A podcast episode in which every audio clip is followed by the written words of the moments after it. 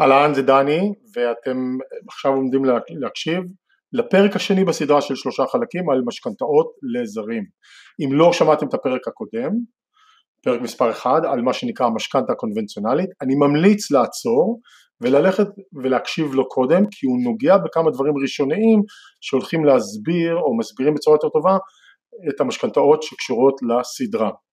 כמובן אנחנו נשמח לפגוש אתכם ולדבר איתכם אפשר לעשות זאת על ידי פנייה אלינו דרך אתר הפייסבוק או אתר שלנו או האימייל, האימייל זה meet כמו להיפגש m-e-e-t meet at simplydoit.net meet at simplydoit.net תודה ותהנו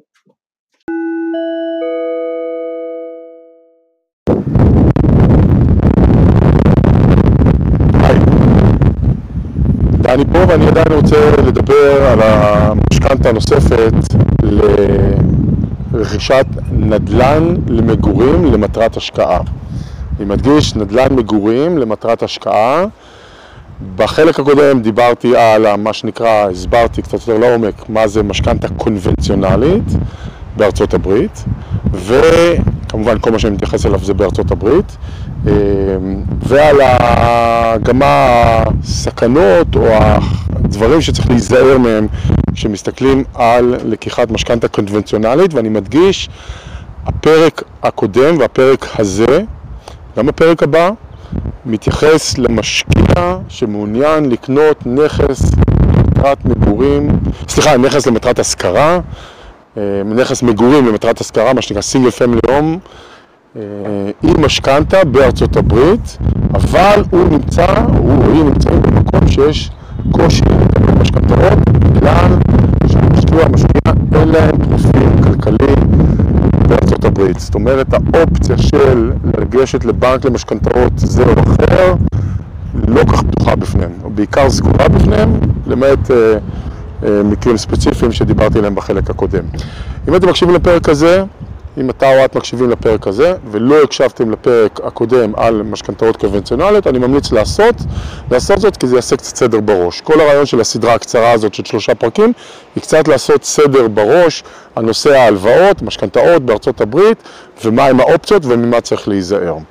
בחלק הזה אני הולך לדבר על משכנתה אה, מסוג מסחרי לבית מגורים למטרת השכרה, אוקיי? באנגלית commercial mortgage for residential single family home או residential housing, אוקיי? Okay?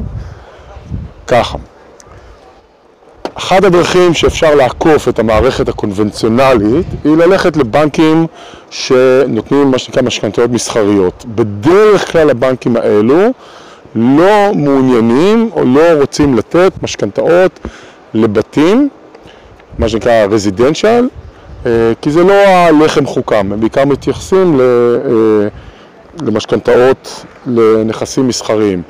בארצות הברית הנושא הזה של הקטגוריה הזאת של מה שנקרא commercial mortgages מתייחס בדרך כלל לכל נכס שהוא חמש יחידות ומעלה, זאת אומרת לא בית פרטי, לא דופלקס, לא טריפלקס, לא fourplex, אבל 5 units and up, הכוונה 10 units או 10 doors 20, 30 וכדומה, וכמובן מעל, ונכסים מסחריים, כמו משהו ש...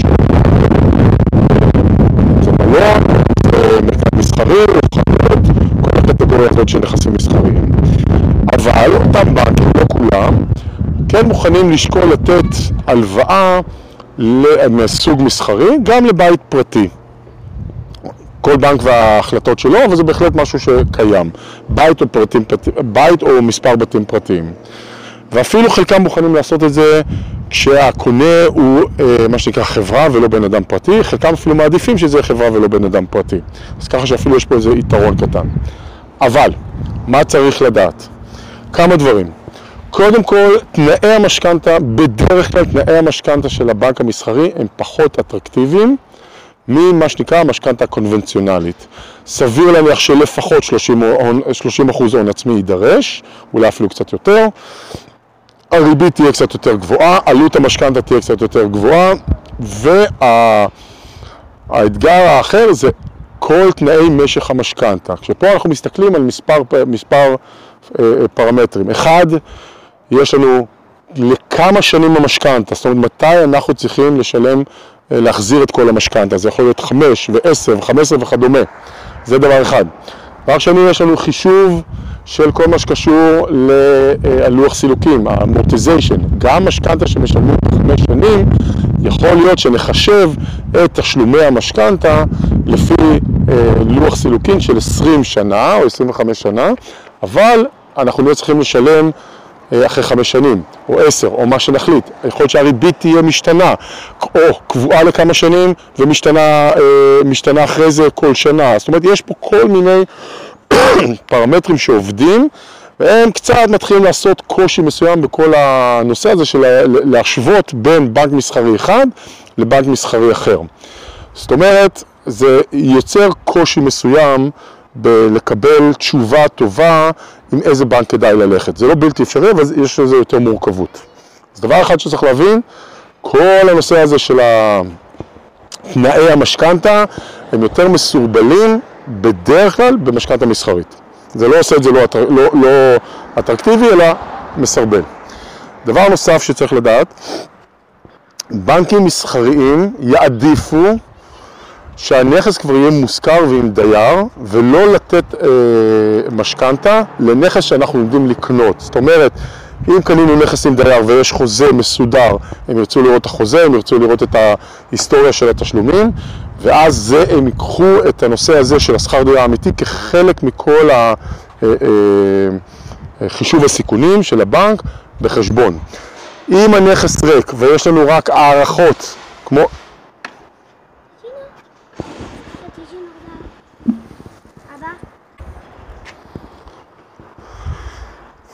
זאת אומרת, הבנק מעדיף בית עם דייר ושכר דירה משולם ואפילו היסטוריה שלו לפחות כמה חודשים, אולי היסטוריה יותר ארוכה ועוד אה, אה, לראות חוזה וכדומה וככה הם בעצם עושים הערכת סיכון יותר טובה וזה בהחלט משפיע על, ה...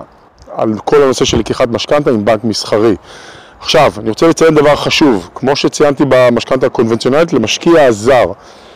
הבנקים האלו, תמיד צריך להתייחס אליהם כאל כבדהו וחשדהו. כי גם כשאומרים לנו, אומר לנו נציג הבנק, אין בעיה ואתם מאושרים ואפשר לקנות משכנתה והכל בסדר ואפשר לקבל משכנתה ואפשר להתקדם ברכישה, תמיד, תמיד, תמיד יש סיכוי לא קטן, לא גדול, אבל גם לא מזערי, שהחתם, זה שעושה את הערכת סיכוי, סיכון של הבנק, יבוא כמה ימים לפני הסגירה ויגיד אני מצטער, לא מאושר, או אני מצטער, חסרים לי נתונים וכהנה וכהנה, ולכן חשוב להיות מוכן לתסריט הזה.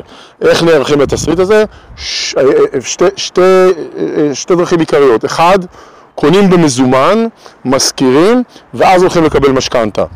אם אתם רוצים לעשות את זה בצורה הכי טובה, הולכים לבנק, מוצאים את הבנק, מדברים עם הבנק, מקבלים אישור למשכנתה, אחרי שמקבלים אישור משכנתה אומרים אוקיי, עכשיו חכה רגע, הולכים, קונים מזומן, ואז חוזרים לבנק ואומרים לו קנינו, אנחנו רוצים עכשיו לקבל את המשכנתה, שהנכס כבר ב- בידינו, ואז הסיכון הזה הוא, אה, אה, הוא בעצם לא סיכון, כי אם הבנק מבטל את האישור למשכנתה ולא יוכל לתת לו משכנתה, או אה, צריך יותר זמן, אנחנו לא תחת אה, לחץ והחוזה, אנחנו בבית כבר שלנו. נכון שזה עלול לסרבל אותנו במובן של קנינו במזומן במטרה להוציא כסף ולקחת משכנתה נוספת ועכשיו זה תקע אותנו, אבל יש פה trade-off בין הדברים האלו, היתרונות וחסרונות, אז זה אפשרות אחת.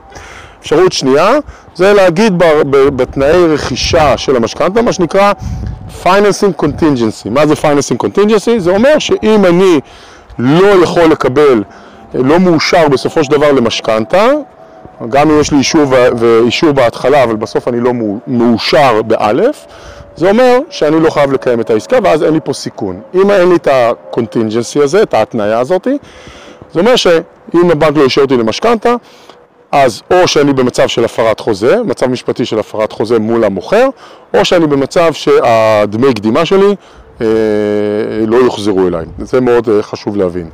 אז אלו הנקודות שצריך לקחת בחשבון כשמסתכלים על, ה, על הדבר הזה שנקרא משכנתה אה, מסחרית, ואני מסביר, גם אז לא בטוח שנוכל לקבל משכנתה בתור משקיעים זרים, כי גם הבנק אז, הבנק המסחרי, לא תמיד מוכן לעבוד עם מישהו שאין לו נוכחות או פרופיל אה, כלכלי בתוך ארה"ב. יש בנקים שכן ויש בנקים שלא, אין פה אה, חוקיות אחת, אבל זה בהחלט משהו ש... אה, אה, אה, להסתכל עליו, וייתכן שתצטרך, שאם זה הכיוון שאת או אתה מעוניינים לקחת, מאוד יכול להיות שתצטרכו לדבר עם המון המון בנקים, ונדבר המון, זה 10, 15, 20 בנקים מסחריים, עד שתמצאו את זה שגם מוכן וגם יכול.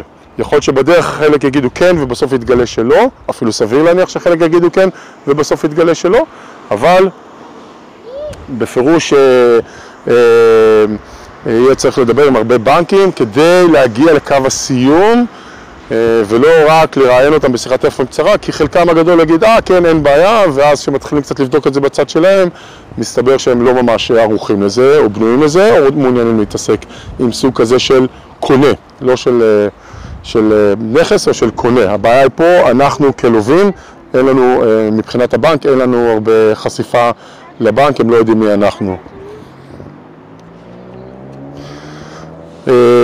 אני כן יכול להגיד שלפי דעתי ברגע שעשינו לפחות משכנתה אחת עם הבנק המסחרי וקיבלנו משכנתה ועכשיו אנחנו, יש תיק מסודר אצלם עלינו והדברים קצת יותר ברורים ואנחנו, ככה כל צד אה, סומך יותר על הצד השני אז בהחלט יהיה יותר קל להערכתי ומניסיוני לקנות עוד נכסים עם הבנק הזה. אה,